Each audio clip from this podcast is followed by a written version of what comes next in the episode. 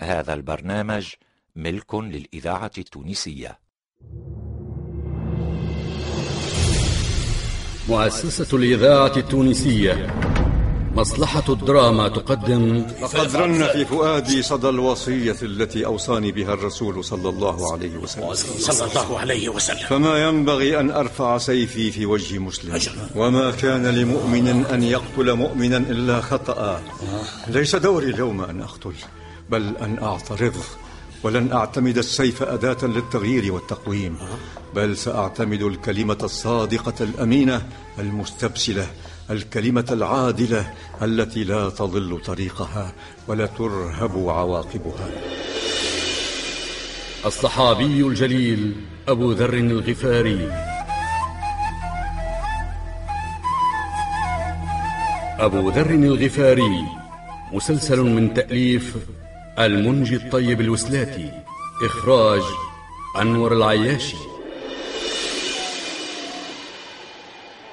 على طريق مكة التجاري إلى الشام ولد في قبيلة غفار في تاريخ غير معلوم. قال عنه رسول الله صلى الله عليه وسلم يعيش وحده ويموت وحده ويبعث وحده. إنه أبو ذر الغفاري.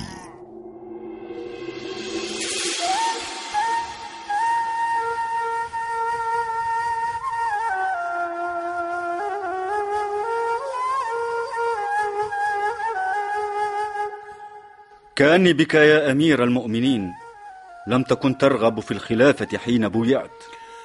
لقد بايعني جميع من كان في المدينة من الصحابة والتابعين.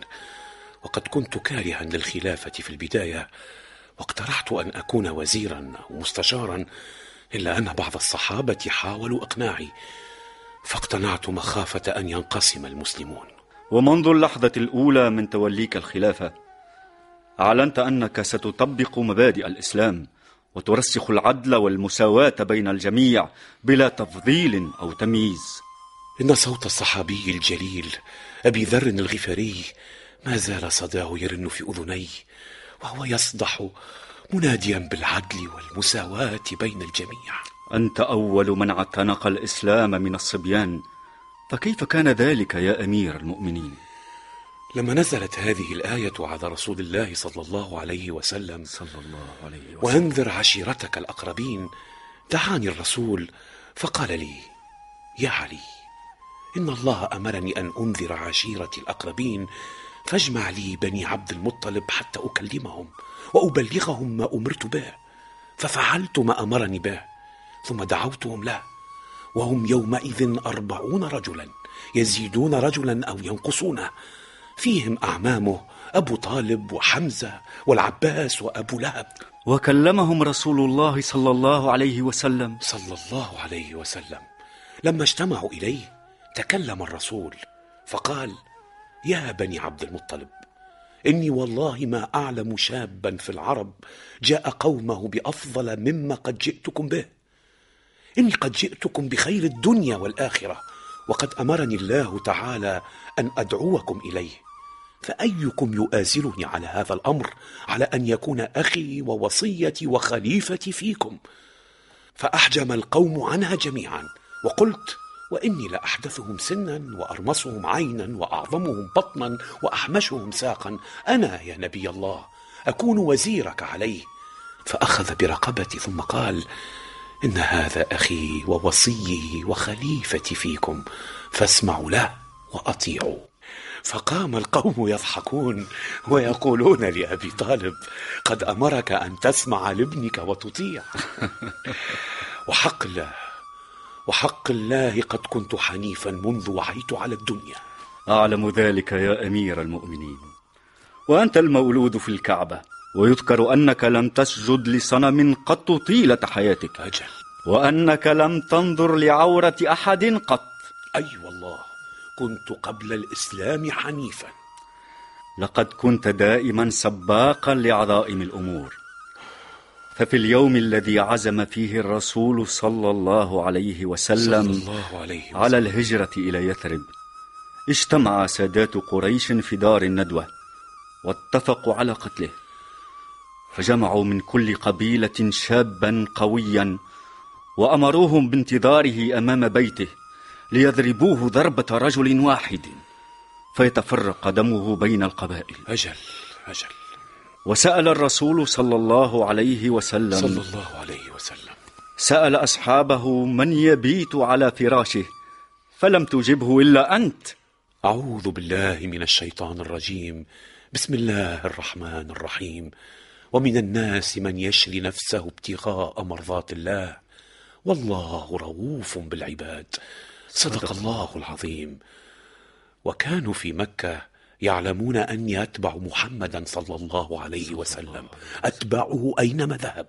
لذا فإن بقائي في مكة بمثابة تمويه لجعل الناس يشكون في هجرة النبي صلى الله عليه وسلم. الإذاعة التونسية المؤتمن على ذاكرة الوطن.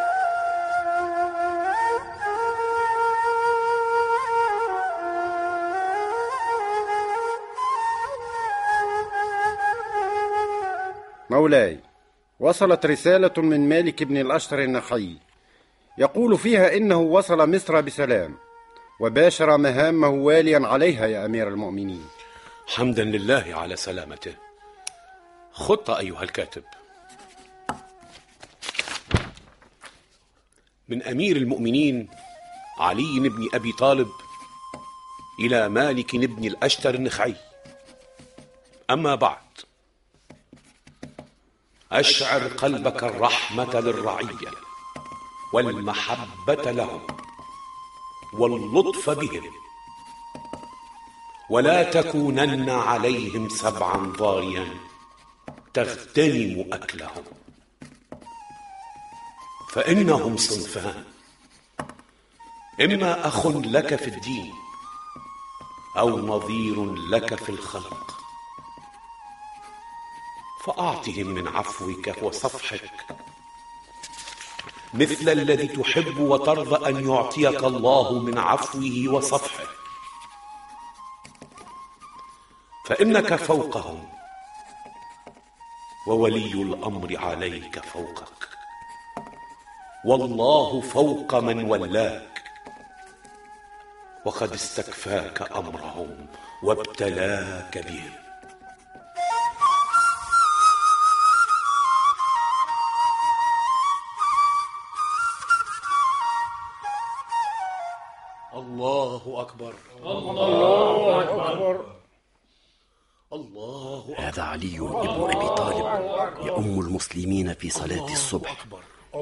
ها هو يسجد سأنتهز الفرصة وأضربه بسيف المسموم. خذها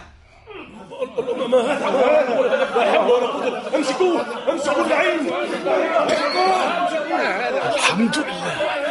الحمد لله. فزت رب الكعبة.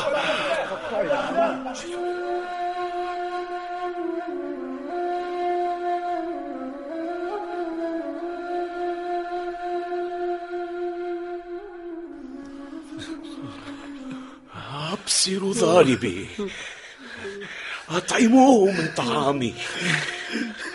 اسقوه من شرابي. النفس بالنفس. النفس بالنفس. أبي أبي. فإن هلكت فاقتلوه كما قتلني. وإن بقيت رأيت فيه رأيي. لا تكبلوه بالأصفاد. لا تعذبوه. أمرك أمرك يا أمير المؤمنين. اشدد حيازيمك للموت فإن الموت لاقيك. ولا تجزع من الموت إذا حل بواديك. كما أضحكك الدار. كذاك الموت يبكيك. فقد أعرف أقواما وإن كانوا صعاليك مساريع إلى النجدة للغيم تاريكا لا تجب نفسك يا أمير المؤمنين. لقد أنبأني النبي صلى الله عليه وسلم. أنبأني ذات مرة في رمضان بكيفية موتي. فقال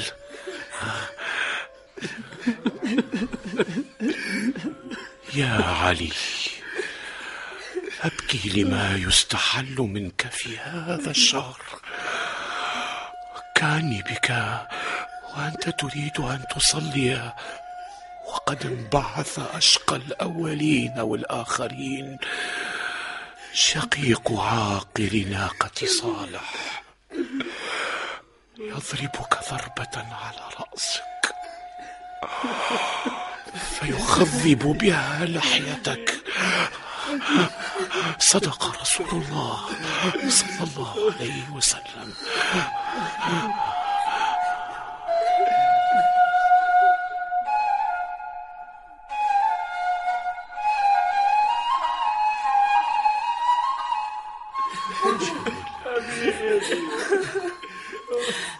إنه اليوم الثالث ولم تتحسن حاله. وقد عجز الأطباء عن معالجته.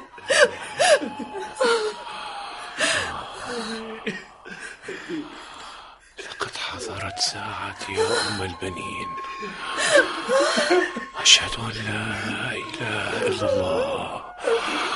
وأشهد أن سيدنا محمدا عبده ورسوله. الإذاعة التونسية الذاكرة الحية.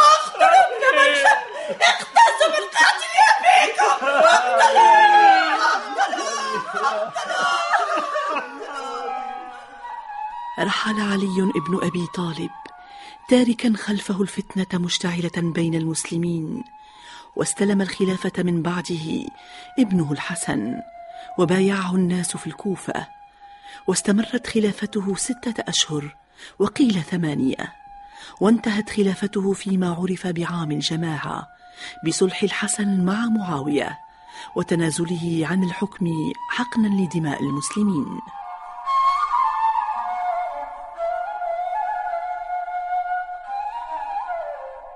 بسم الله الرحمن الرحيم. يا معشر المسلمين هذا أبو حفص عمر بن عبد العزيز بن مروان بن الحكم الأموي القرشي. ولد في المدينة المنورة ونشأ فيها عند أخواله من آل عمر بن الخطاب فتأثر بهم وبمجتمع الصحابة في المدينة. وكان وما زال شديد الإقبال على طلب العلم مقتديا بالصحابي الجليل أبي ذر الغفاري.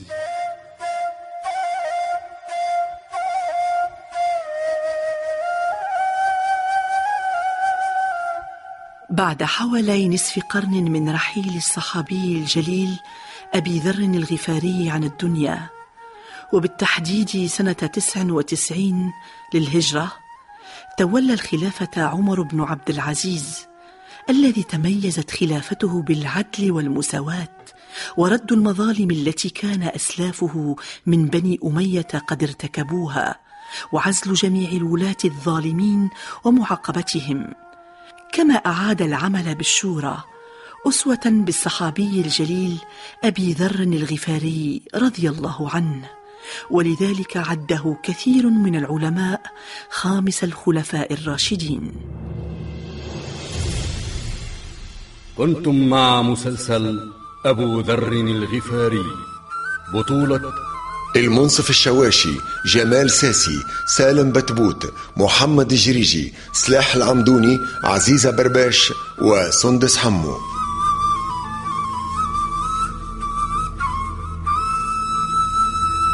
ساعد في الإخراج حسون ناجي. توظيب الإنتاج إدريس الشريف. الهندسة الصوتية لسعد الدريدي. تقديم عبد المجيد دعبوب